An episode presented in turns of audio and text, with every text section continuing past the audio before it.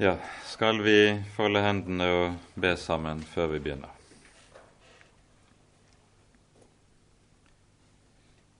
Ja, kjære gode Herre, så kommer vi til deg på ny, og takker og lover deg for all din nåde og all din godhet imot oss.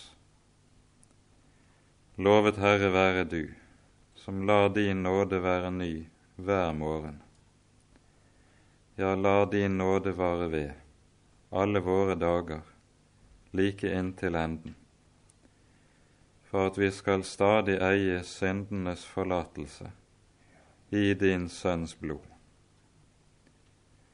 Takk, Herre Jesus, at det er sant at du med ditt eget liv og ditt eget blod står inne for vår frelse og at vi skal få lov til å være Guds barn på din regning.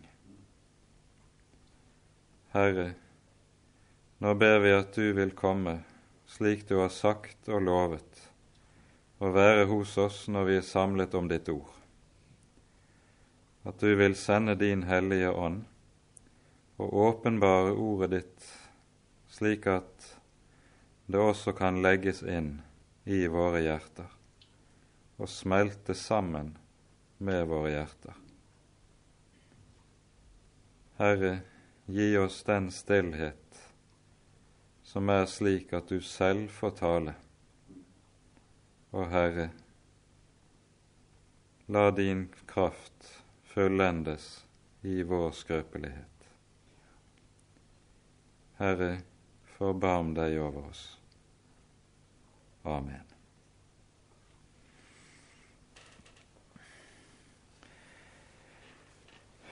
Sist gang begynte vi på det avsnittet der apostelen ber for menigheten i Efesos, og som altså begynner med det 15. verset i det første kapittelet. Og det vi hørte, som er noe av det helt grunnleggende i det vi leser her, i, det er det vi hører i vers 17. Han ber om at Gud må gi visdoms- og åpenbaringsånd til kunnskap om seg. Og Her ser vi at det som er nøkkelen til det kristne liv, det står i den skarpeste motsetning til det som gjerne er nøkkelen til humanismen og til, også til nyreligiøsiteten, der stikkordet alltid lyder 'kjenn deg selv'. Mens når det gjelder kristen tro og kristent liv, der er stikkordet noe helt annet. Der sies det 'kjenn Herren'.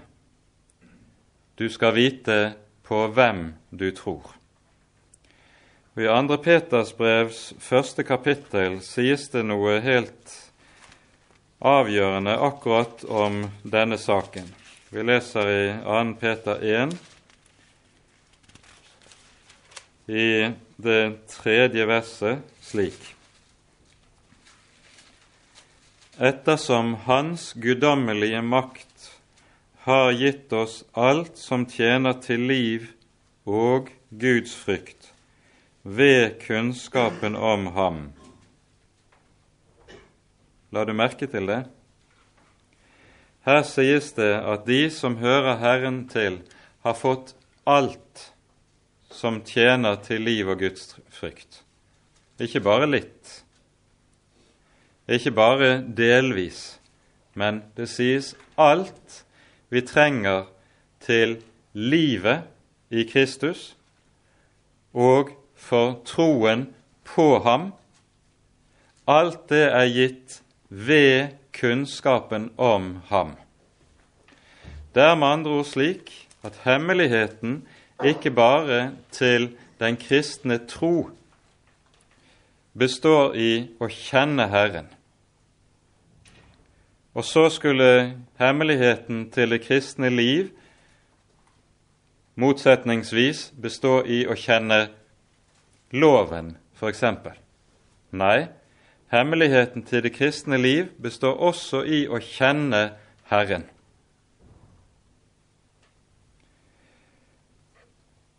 Og her sies det det store altså at alt som tjener til liv og Guds frykt, eier vi i kunnskapen om den Herre Jesus.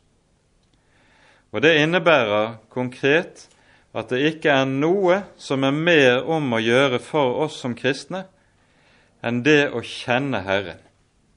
Og kjenner vi Jesus, kjenner vi og vet vi hvem vi har med å gjøre i troen, da får det uvegerlig de største følger også for livet. Kjenn Herren, det er nøkkelordet. Her er det også at den kristne tro skiller seg helt avgjørende fra fariseerens tro, som veldig lett kan settes på den formelen som eh, man også har det i skoleverket, at du går i skole og lærer bestemte ting teoretisk, og så skal du omsette det du har lært i teorien, i praksis i livet. Det blir altså et skille mellom teori og praksis. Det skillet har du ikke i den kristne tro.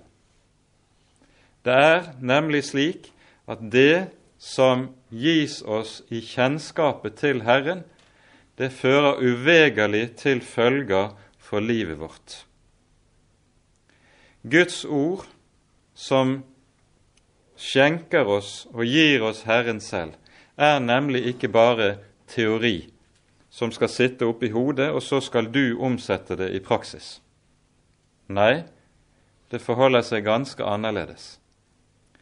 Guds ord er i seg selv Guds praksis, for å bruke et slikt uttrykk.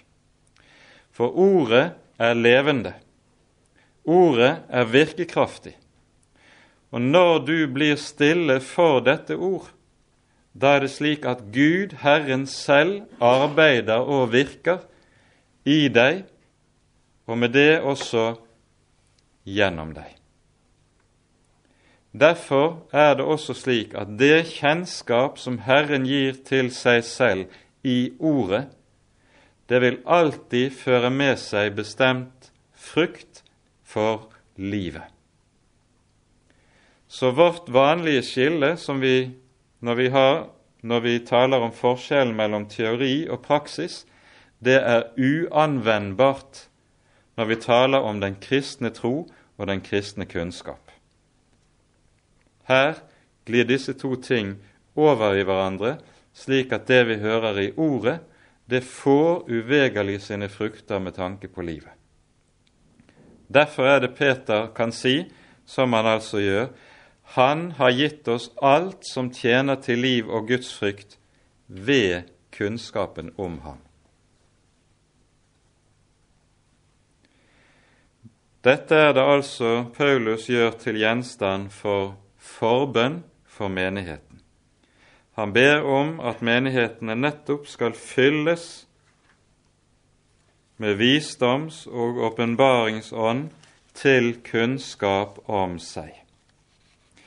I innledningen til Kolossabrevet hører vi en lignende bønn for menigheten der, i Kolossabrevets første kapittel.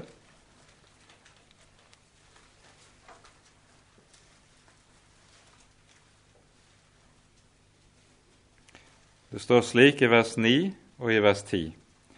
Derfor holder vi fra den dag vi hørte om det, ikke opp med å gjøre bønn for dere og be om at dere må fylles med kunnskap om Hans vilje i all åndelig visdom og forstand, så dere kan vandre verdig for Herren til velbehag i alt, så dere også bærer frukt og vokser i all god gjerning ved kunnskapen om Gud.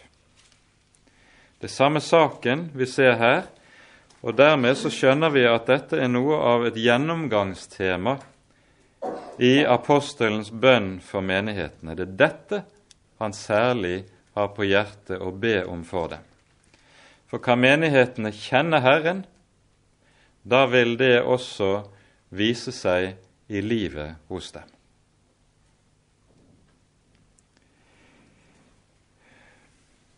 Vi går så inn på de versene som vi ikke rakk å se nærmere på sist gang, og eh, leser da avsnittet fra vers 20 og ut kapittelet. som han ber altså om at menigheten skal kjenne hvor overvettet stor hans makt er for oss som tror, etter virksomheten av hans veldige kraft, som han viste på Kristus, da han oppvakte ham fra de døde og satte ham ved sin høyre hånd i himmelen, over enhver makt og myndighet og velde og herredom, og ethvert navn som nevnes, ikke bare i denne verden, men også i den kommende. Og han la alt under hans føtter og ga han som hode over alle ting til menigheten, som er hans legeme, fylt av ham som fyller alt i alle. Vi hørte sist og ser i vers 18 og 19 at det er tre temata som eh, Paulus gjør til gjenstand for bønn. Han ber om at de troende skal forstå hvilket håp de er kalt til, for det andre hvor rik på herlighet hans arv er, og altså for det tredje hvor overvettes stor hans makt er for oss som tror. Dette kunne også oversettes i oss som tror. Og så sies det så etter virksomheten av Hans veldige kraft. Og hvor er det Hans veldige kraft kommer til syne? Hvor er det vi ser Gud åpenbare sin veldige makt?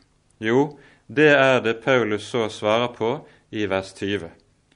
Som han viste på Kristus da han oppvakte ham fra de døde og satte ham ved sin høyre hånd i himmelen. Det som det første som er viktig her å ha i minne, det er at det nye testamentets budskap om Jesu oppstandelse og Jesu himmelfart, det er et budskap om noe som skjer konkret i historiens verden. Det er altså ikke tale om åndelige og uhåndgripelige begivenheter, men det er noe som skjer historisk i den fysiske virkelighet. Jesus går ut av graven legemlig, slik at når han er stått opp, så er graven tom. Det er ikke en åndelig oppstandelse. Det har jo vært sånn i den liberale teologi i etterkrigstiden at man gjerne har kunnet tale om at Jesus er stått opp, og han lever. Men i hvilken betydning? Jo, på samme måten som man kan si at Martin Luther King lever, nemlig hans ånd lever videre i den bevegelse som han har startet, borgerrettsbevegelsen. I den betydning har den liberale teologi kunnet tale om at Jesus lever. Men det er jo helt klart at det er ikke slik Det nye testamentet tenker. Det nye testamentet taler om at Jesus er fysisk, legemlig stått opp av graven, en som var død, er blitt levende. Legemlig er han oppreist fra de døde. Og på samme vis er han også legemlig steget opp i det høye og tatt inn i himlene. Og Nå er poenget her at begge disse to gjerninger de skjer for vår skyld. Og Vi skal se litt på det. Jesus døde for oss, Han oppsto for oss, og han ble innsatt ved Faderens høy himmel, høyre hånd i himmelen for oss. Og La oss stanse lite grann for det siste, og da slår vi opp i Johannesevangeliets 16. kapittel.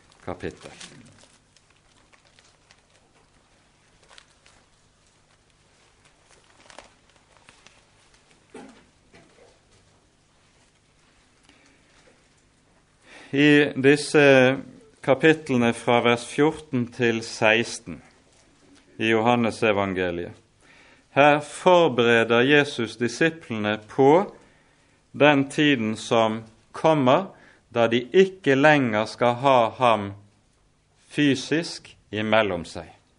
Han skal legemlig skilles fra disiplene, noe som innebærer at tilværelsen jo vil komme til å bli ganske annerledes. Og Så vil jo disiplene helt menneskelig og naturlig reagere slik at dette synes de er svært, dette er tungt, det er vanskelig. Tilværelsen var så meget enklere da de hadde Jesus hos seg og iblant seg, kunne ta og føle på ham, kunne spørre ham når det var noe som var vanskelig, osv. Når han blir borte, så kan det synes som at da blir alt så meget vanskeligere.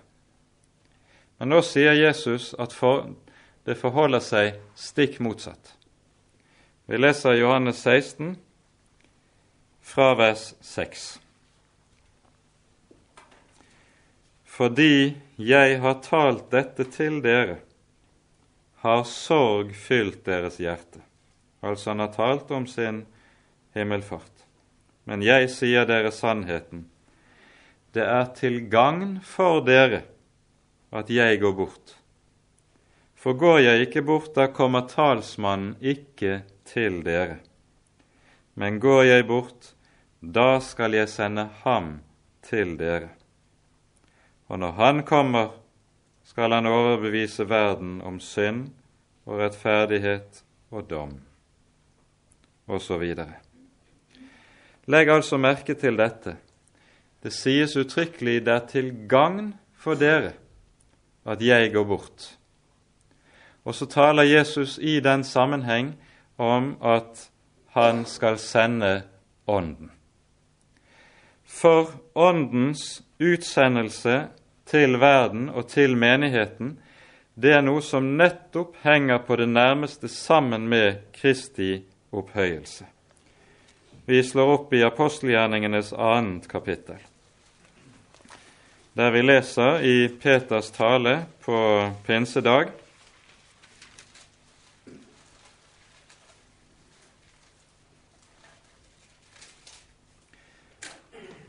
Og Her hører vi slik i vers 32 og 33. Denne Jesus oppreiste Gud, slik vi alle er vitner om, etter at han nå er opphøyet ved Guds høyre hånd og av sin Fader har fått Den hellige ånd som var lovt, så utgjød han dette som dere både ser og hører. Vi hører altså at Kristi opphøyelse til Faderens høyre hånd, det er vilkåret for Åndens utgytelse. Når Han opphøyes, så gis Ånden, og Dette henger jo også sammen med det som er Åndens grunnleggende gjerning, og som Jesus også taler om i Johannes 16. Han skal herliggjøre meg, sier Jesus, for han skal ta av mitt og forkynne dere. Ånden opphøyer Kristus, og der Kristus er opphøyet, der er Den hellige ånd til stede. Kristi himmelfart innebærer altså for det første dette at han herliggjøres og mottar Ånden. Dernest innebærer det en sak til, det vi hører om i Daniels boks syvende kapittel.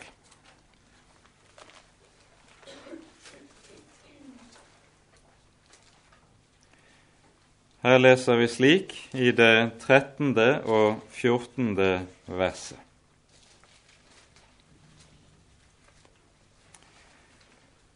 Fremdeles fikk jeg i mine nattlige syner se hvorledes en som lignet en menneskesønn, kom med himmelens skyer. Han gikk bort til den gamle av dager og ble ført frem for ham. Og det ble gitt ham herredømme og ære og rike, og alle folk og etter- og tungemål skulle tjene ham. Hans herredømme er et evig herredømme som ikke forgår, og hans rike er et rike som ikke ødelegges. Det er i forbindelse med sin himmelfart Herren Jesus taler om meg er gitt all makt i himmel og på jord. Vi skal se litt mer på det etter hvert, men først bare en liten parentes. For Bibelens tale om Kristi himmelfart er jo noe som ofte har vært skyteskive for vantroen, og som kloke hoder har kunnet gjøre seg morsom på bekostning av. Skulle Jesus likesom være et eller annet sted ute i himmelrommet, der er det jo ikke noe annet enn store, den store tomhet. Da skal vi vite at ordet 'himmel' i Guds ord, det betyr bokstavelig det å ha en opphøyet maktstilling over. Så at Jesus er opphøyet til himmelen, det betyr at han er opphøyet til å ha den endelige eller den øverste maktstilling i universet. Det er det himmelfarten betyr og innebærer. Og så er dette Jesu herredømme, noe som han så utøver til beste for sitt folk. Det er til gagn for dere at jeg går bort. Og Jesu himmelfart, det skal vi være klar over, det innebærer ikke, slik som det blir for oss når vi kommer til himmelen, at da kommer vi til, inn til hvilen. Det innebærer for Jesus sitt vedkommende ikke at han så å si går inn i en himmelsk pensjonisttilværelse der han er trukket seg tilbake. Nei, der han er, der øver han fortsatt sin tjeneste og sin gjerning for sitt folk. Vi har, Dere kjenner disse versene der det taler om at han lever til å gå i forbønn for oss. Vi har en forbeder ved Guds høyre hånd i den Herre Jesus, som er opphøyet til himmelen. Og i åpenbaringsbokens første kapittel sies det dette veldig sterkt i det trettende verset.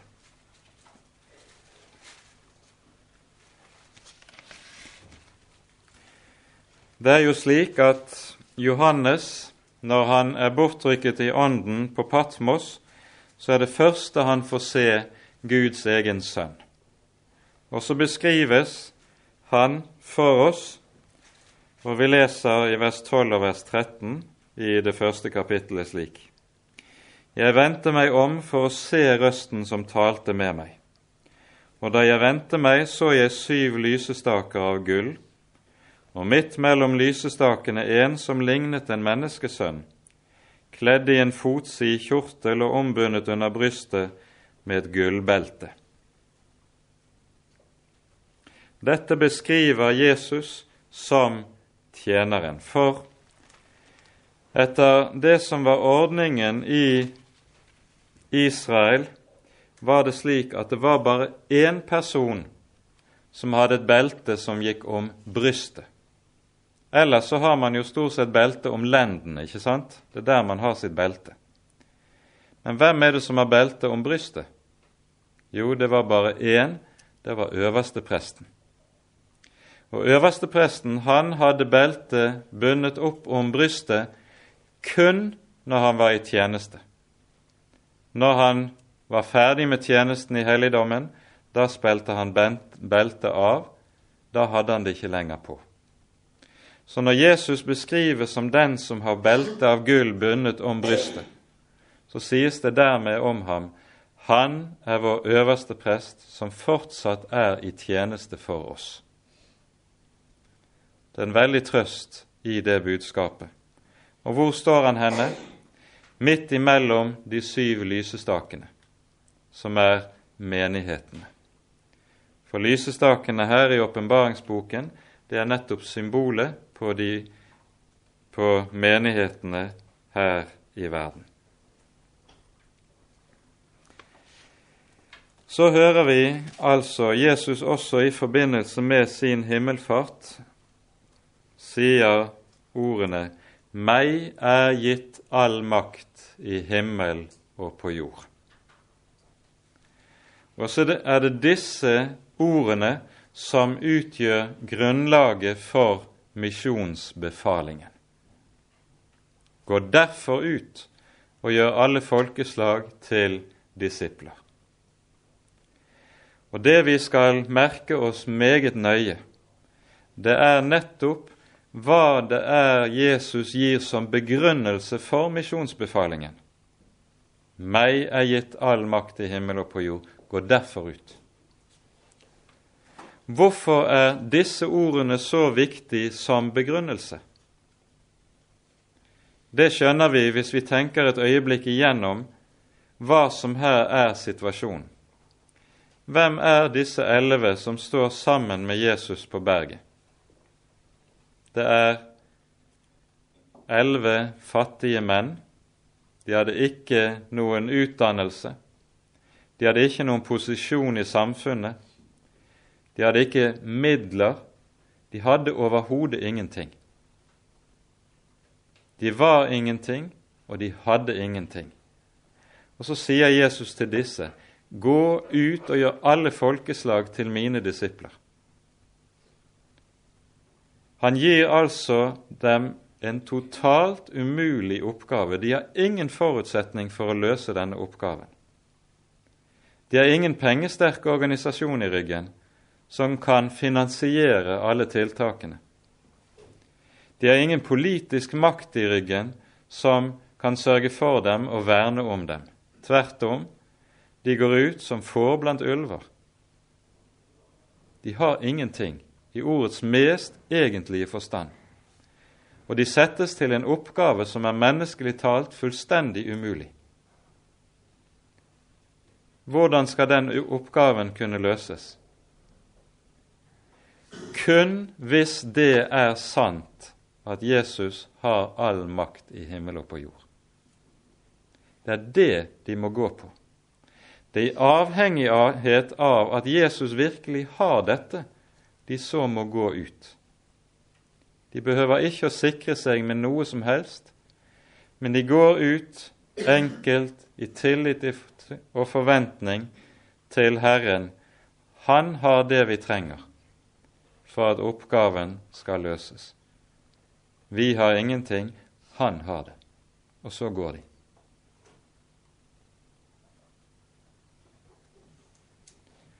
Her er det vi ser også noe av det som er den store forskjell på Herrens apostler og oss. Vår nød er jo slett ikke at vi har for lite midler, for lite innflytelse, for lite å gå med. Vi ser hvordan det gikk med de som sto der med tomme hender.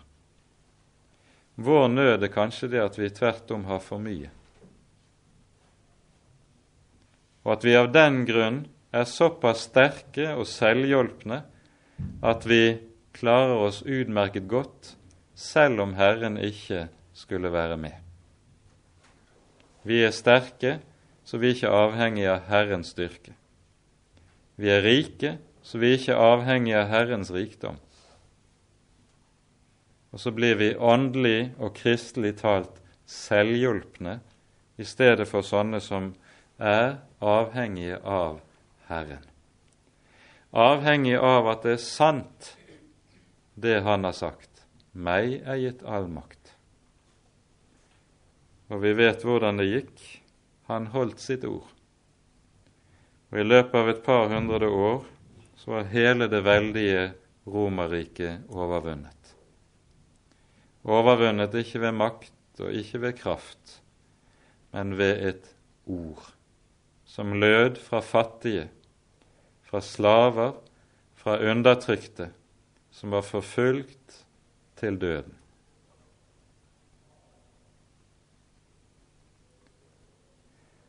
Dermed ser vi også noe av hvorledes hans makt ytrer seg her i tiden.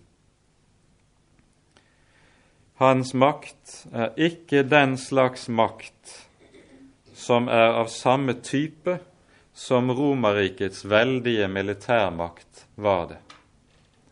Ei heller av samme type som den veldige økonomiske makten var, som også satt i Rom og var sentrert der. Det er kjødelig makt, og det er verdslig makt. Det gagner ikke i Guds rike. Det som gagner i Guds rike, er den Åndens makt som kommer ovenfra, og som blir oss til del kun på én måte når vi er hjelpeløst avhengig av Herren.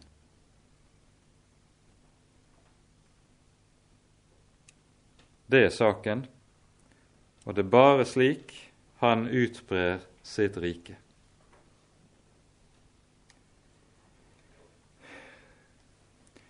Og så hører vi det sies han er satt ved Faderens høyre hånd i himlene. Over enhver makt og myndighet og velde og herredom og ethvert navn som nevnes, ikke bare i denne verden, men også i den kommende. Det vi da skal merke oss med det som her sies, er at når det taler om makter og myndigheter her, så sikter det både til det vi kan kalle for åndeverdenens usynlige krefter, Paulus kommer tilbake til det i slutten av Efeserbrevet i det sjette kapittel, når han taler om at vi har ikke en kamp mot kjøtt og blod, men mot makter og myndigheter, mot ondskapens ånde her i himmelrommet.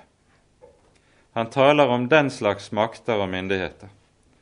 Men han taler også om denne verdens makter og myndigheter som kommer til syne i de politiske og økonomiske krefter som råder i historien. Og det vi da skal takke Herren for, det er at Han er den som har makten også over alt dette. Når Jesus er opphøyet til å være Herre, så er han ikke bare Herre så å si i det åndelige regimentet. Han er også herre i det verdslige regimentet, i møte med denne verdens herrer og mektige. Det understreker Bibelen veldig sterkt i en del sammenhenger, men la oss bare ta ett eksempel på dette, nemlig vi leser fra apostelgjerningene fire.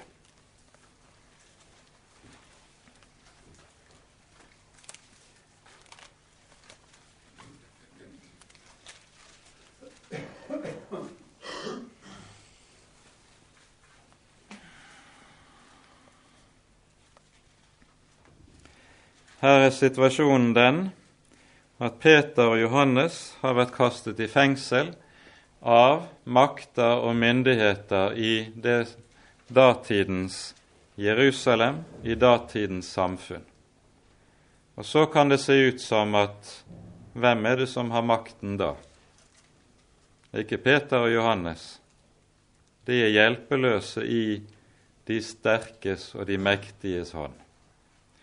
Men så hører vi at de får komme tilbake igjen til menigheten, og så ber menigheten en bønn som siteres i slutten av kapittel 4. Vi leser fra vers 24. Da de hørte dette, løftet de samdrektig sin røst til Gud og sa, Herre, du som gjorde himmelen og jorda og havet og alt det som i dem er. Du som ved din tjener Davids munn sa, Hvorfor fnyste hedningene og grunnet folkene på det som fåfengt er? Jordens konger steg fram, og høvdingene samlet seg sammen mot Herren og mot Hans salvede. Ja, i sannhet, i denne by samlet de seg mot din hellige tjener Jesus, som du salvet, både Herodes, Pontius Pilatus, med hedningen og Israels folk, for å gjøre det som din hånd og ditt råd forut hadde besluttet skulle skje. Det vi merker oss her, det er at menigheten, når den ber slik, så siterer den Salme 2. Og når Det gamle testamentet siteres slik i Det nye testamentet, så skal vi være oppmerksom på at da underforstås hele sammenhengen i teksten. Det er ikke slik at det bare siteres det enkeltverset, men tvert om så ligger hele sammenhengen som står i GT bakom, det ligger også med i det som sies. Og hva er det som sies i Salme 2? Etter at det vært talt om hedningene og kongene som reiser seg mot Herren og sier:" La oss kaste deres åk av oss, og la oss rive deres bånd i stykker. Så sies det i vers 4.: Han som troner i himmelen, ler. Herren spotter dem. Er Gud truet? Er Han i sitt velde i fare eller i vansker ved at de mektige rumler? Overhodet ikke. Han ler. Det bekymrer ham ikke det aller ringeste. Og slik er det også at det like lite skal bekymre hans små og hans folk her i verden. Han er over all makt og myndighet.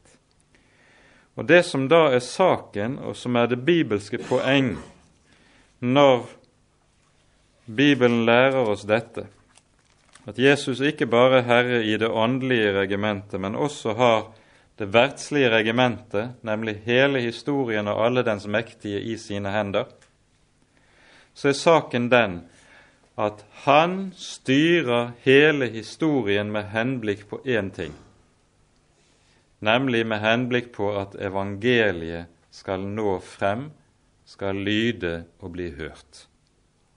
Det er formålet med Guds historiske styre.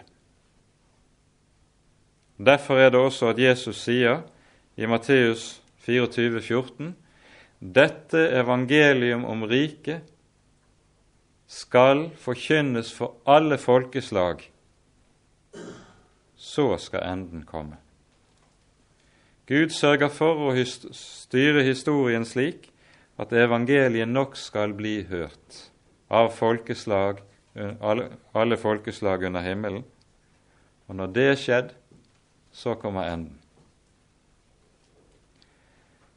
Og Dermed er det også sagt noe om hva som er den kristne menighets eksistensberettigelse her i tiden.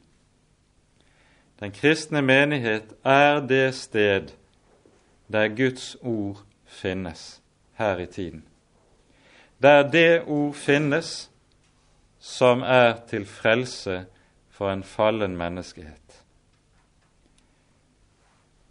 Der Guds ord blir borte fra Guds menighet, der har menigheten også mistet sin eksistensberettigelse. Det skal vi også være klar over. Alt leser vi videre i Efeserne nå. Han la alt under hans føtter og ga ham som hode over alle ting til menigheten. Med dette uttrykket som her sies, alt la han under hans føtter, tenkes det særlig på to tekster i Det gamle testamentet. For det første Salme 110, der som jo er en av de helt sentrale salmene i Det gamle testamentets Messias-profeti. David synger og sier, Herren sa til min Herre, Sett deg ved min høyre hånd, til jeg får lagt alle dine fiender til skammel for dine. Det er denne ordlyden som ligger bakom. Herren skal utstrekke ditt veldes kongestav fra Sion. Lyder det så i fortsettelsen, og så kommer det underlige verset som lyder i det tredje verset I hellig prydelse kommer din ungdom til deg, som dogg ut av morgenrødens skjød. Den andre teksten som ligger bakom her, i vers 22, det er Salme 8. Og Salme 8 siteres i Hebreerbrevets annet kapittel som nettopp en salme som er Messias' profeti. Vi skal se litt nærmere på akkurat denne salmen, for det er mange som har undret seg over den saken.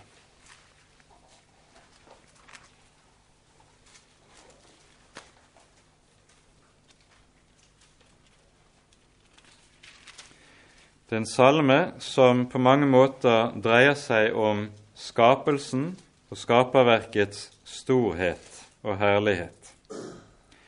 Så leser vi slik.: Herre vår Herre, hvor herlig ditt navn er over all jorden, du som har utbredt din prakt over himmelen. Av barns og diebarns munn har du grunnfestet en makt for dine motstanderes skyld for å stoppe munnen på fienden og den hevngjerrige.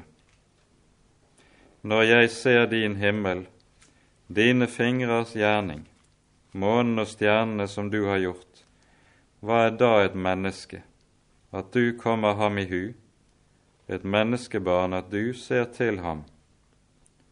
Og du gjorde ham lite ringere enn Gud, med ære og herlighet kronte du ham. Du gjorde ham til hersker over dine henders gjerninger, alt la du under hans føtter.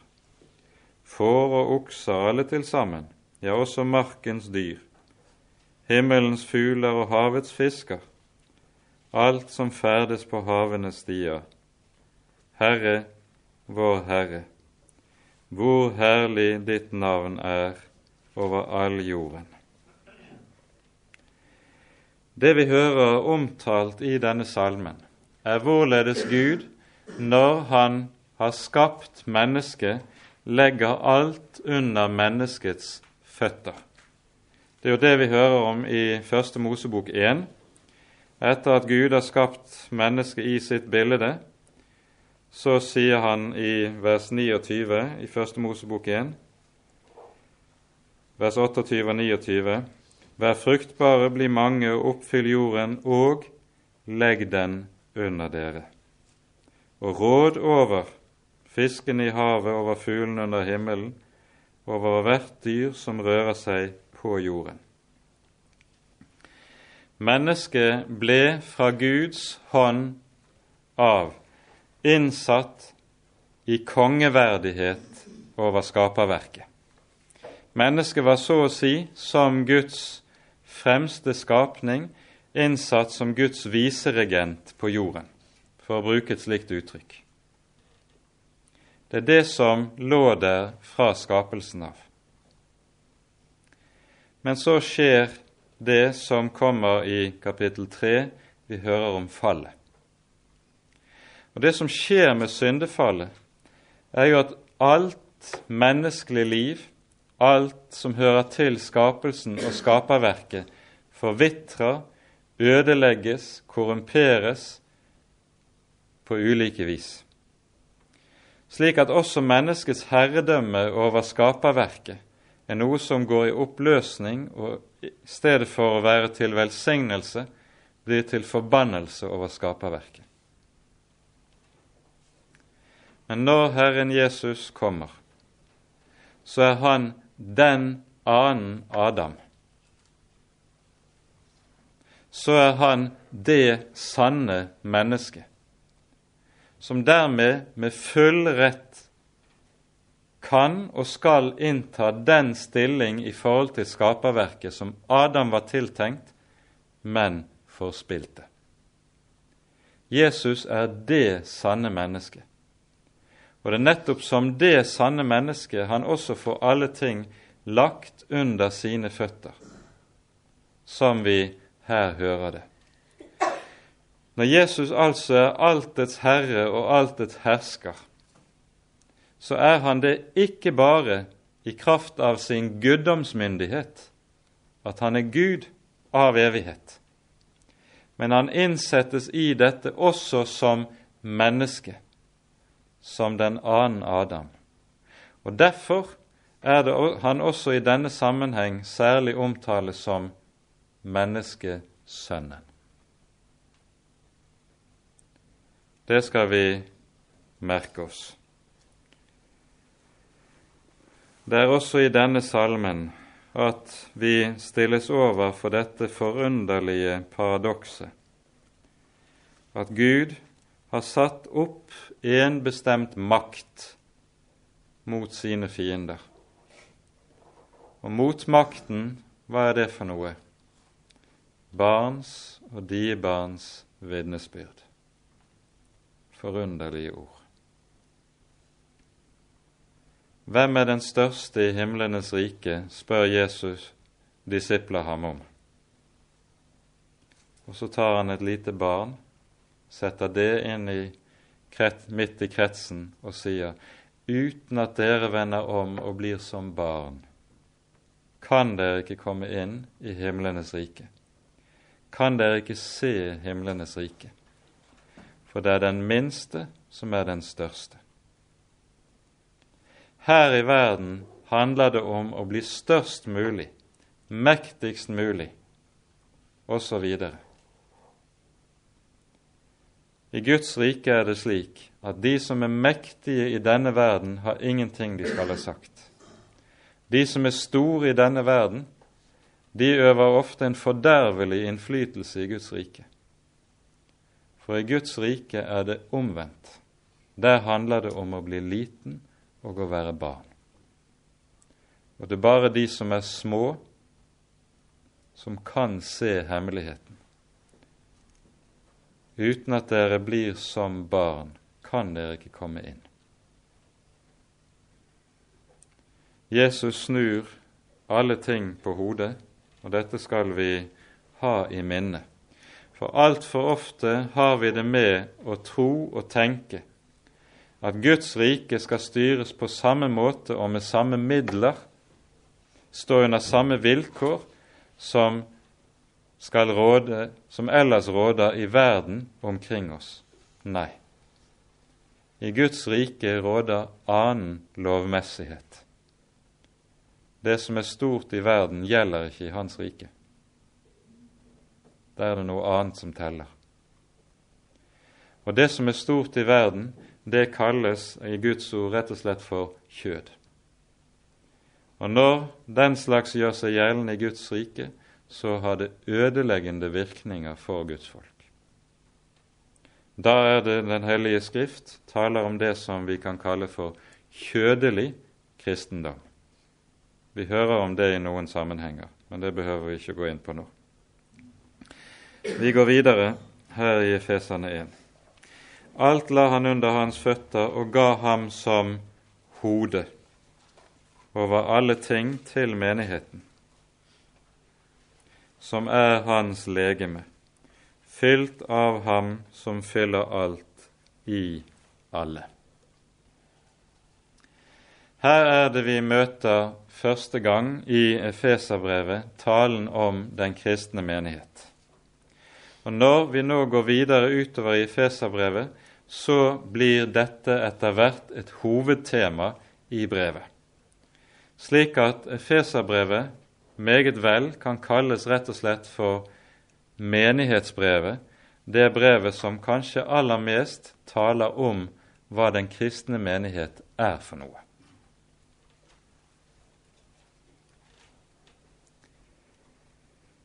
Ordet for menighet i Bibelens grunntekst, det er ordet eklesia, som av og til i nye bibeloversettelser omsettes med kirke, og av og til altså med ordet menighet. Ordet eklesia det er, betyr bokstavelig 'de som er kalt ut av'. Det er altså tale om en gruppe mennesker som er kalt ut fra en sammenheng for da selv å utgjøre en, noe helt nytt, en helt ny størrelse. Det er blitt menigheten. De er kalt ut av verden, og vi forstår hvem det er som har kalt dem ut. Det er Herren selv som har kalt dem. Når Det nye testamentet bruker dette ordet eklesia om den kristne menighet, så har det sin grunn i Det gamle testamentet. For når det taler om Israel som menighet i Det gamle testamentet, så var det på det vis at når Det gamle testamentet ble oversatt til gresk, så valgte man ordet eklesia for å beskrive, eller som ekvivalent for det. Og Der Det gamle testamentet bruker dette ordet for menighet, der betyr det ikke bare et folk som er kalt sammen, altså ut av verden, men det taler om en menighet som er samlet for Guds ansikt, nemlig til gudstjeneste. Og Det er særlig det som er grunnbetydningen av ordet i Det gamle testamentet, og det ligger under i det nye òg. Det er et folk som altså er samlet for Guds ansikt. Samlet til gudstjeneste. Dette folket, menigheten, det er noe som er helt annerledes enn alle andre menneskelige organisasjoner. Det er ikke en størrelse som blir til sånn som en forening blir det, der du har et interessefellesskap og man melder seg inn. I den kristne menighet blir du ikke medlem fordi du har meldt deg inn og er interessert i en sak. Du blir kalt inn av den levende Gud. Du blir født inn der når du blir født på ny.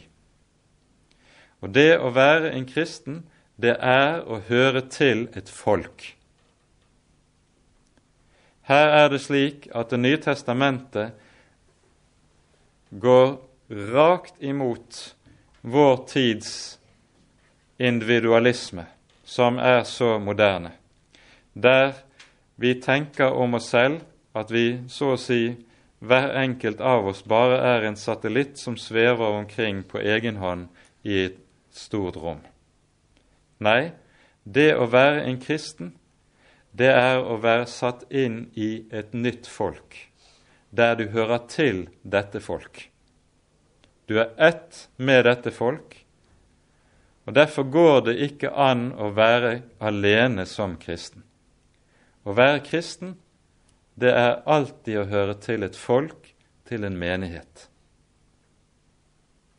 Dette er helt grunnleggende når det gjelder Det nye testamentets beskrivelse av oss som troende.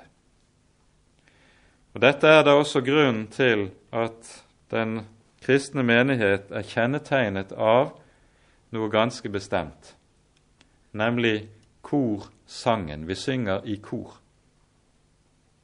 Det finner du ikke i andre religioner i verden.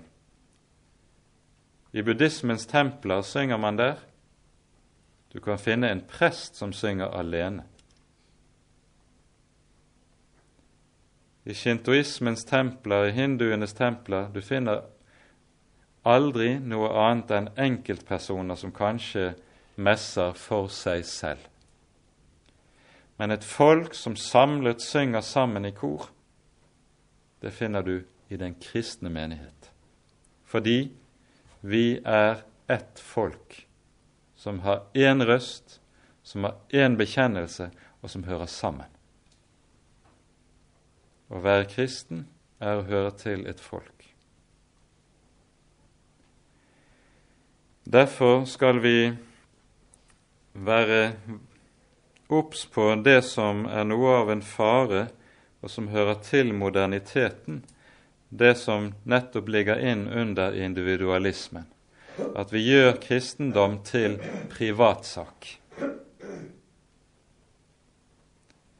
Jesus og meg alene foran et radioapparat, det er noe som dypest sett er unormalt. Det som er det normale for Guds folk, det er at vi kommer sammen. Kommer sammen for å høre Guds ord, kommer sammen for å tilbe, kommer sammen for å oppbygge hverandre i troen. Jeg er ikke alene som en kristen. Blir jeg syk og settes avsides, da er jo saken en annen. Da er det ikke jeg selv som har valgt det, og da gjelder det andre ting. Men dette som er det normale for oss som kristne, er vi er satt sammen. Og det hører med til vårt vesen som kristne.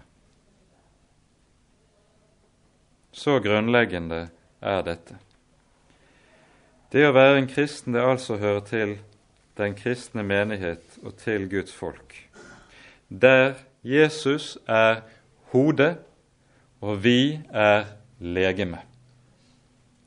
Og vi vet veldig godt hva som er forholdet mellom hode og legeme. Det som styrer alle ting i kroppen, det er jo hodet. Det styrer hvordan armene skal bevege seg, hva som skal lyde fra munnen. Det finnes ikke én eneste ting som skjer som ikke styres av sentralnervesystemet, som nettopp sitter først og fremst i hodet. Og Nøyaktig slik er det også i den kristne menighet. Kristi legeme som er menigheten, dersom det er en sann kristen menighet, så styres det nettopp av Han som er vårt hode. Og det er ikke noe menneske. Det er den Herre Jesus som er sin menighetshode. Og et menneske skal aldri oppkaste seg til eller opphøye seg til å stå i en slik stilling at han får makt over andre troende mennesker. Den makten skal Jesus alene ha. Og det er den makten han har i kraft av at Hans ord råder i samvittighetene. Så bindes vi sammen med Jesus, og fordi vi bindes sammen med Jesus, så bindes vi sammen med hverandre. Når Det nye testamentet bruker bildet av legeme, så hører jo med til dette bildet talen om at vi som troende skal tjene hverandre med de ulike nådegaver. Det vil vi komme nærmere tilbake til i det fjerde kapittel, hvor det taler om den saken. Så her nevner vi det bare ganske kort. Det omtales meget mer vidtgående altså i kapittel fire, også i det tolvte kapittelet i første Korinterbrev og i det tolvte kapittelet i Romerbrevet finner vi sånne lister. Hele poenget med bildet av legeme er jo at her, når det taler om kroppen vår, så fungerer den slik at alle lemmene tjener til kroppens felles beste.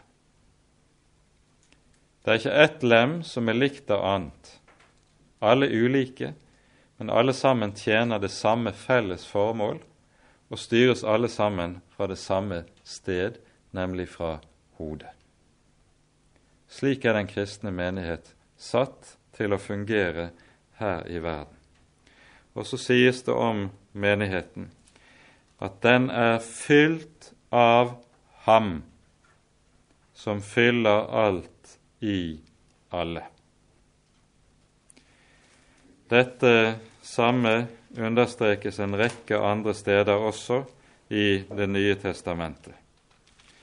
Og vi kan bare minne om det som eh, sies i det fjerde kapittel, i det tiende verset.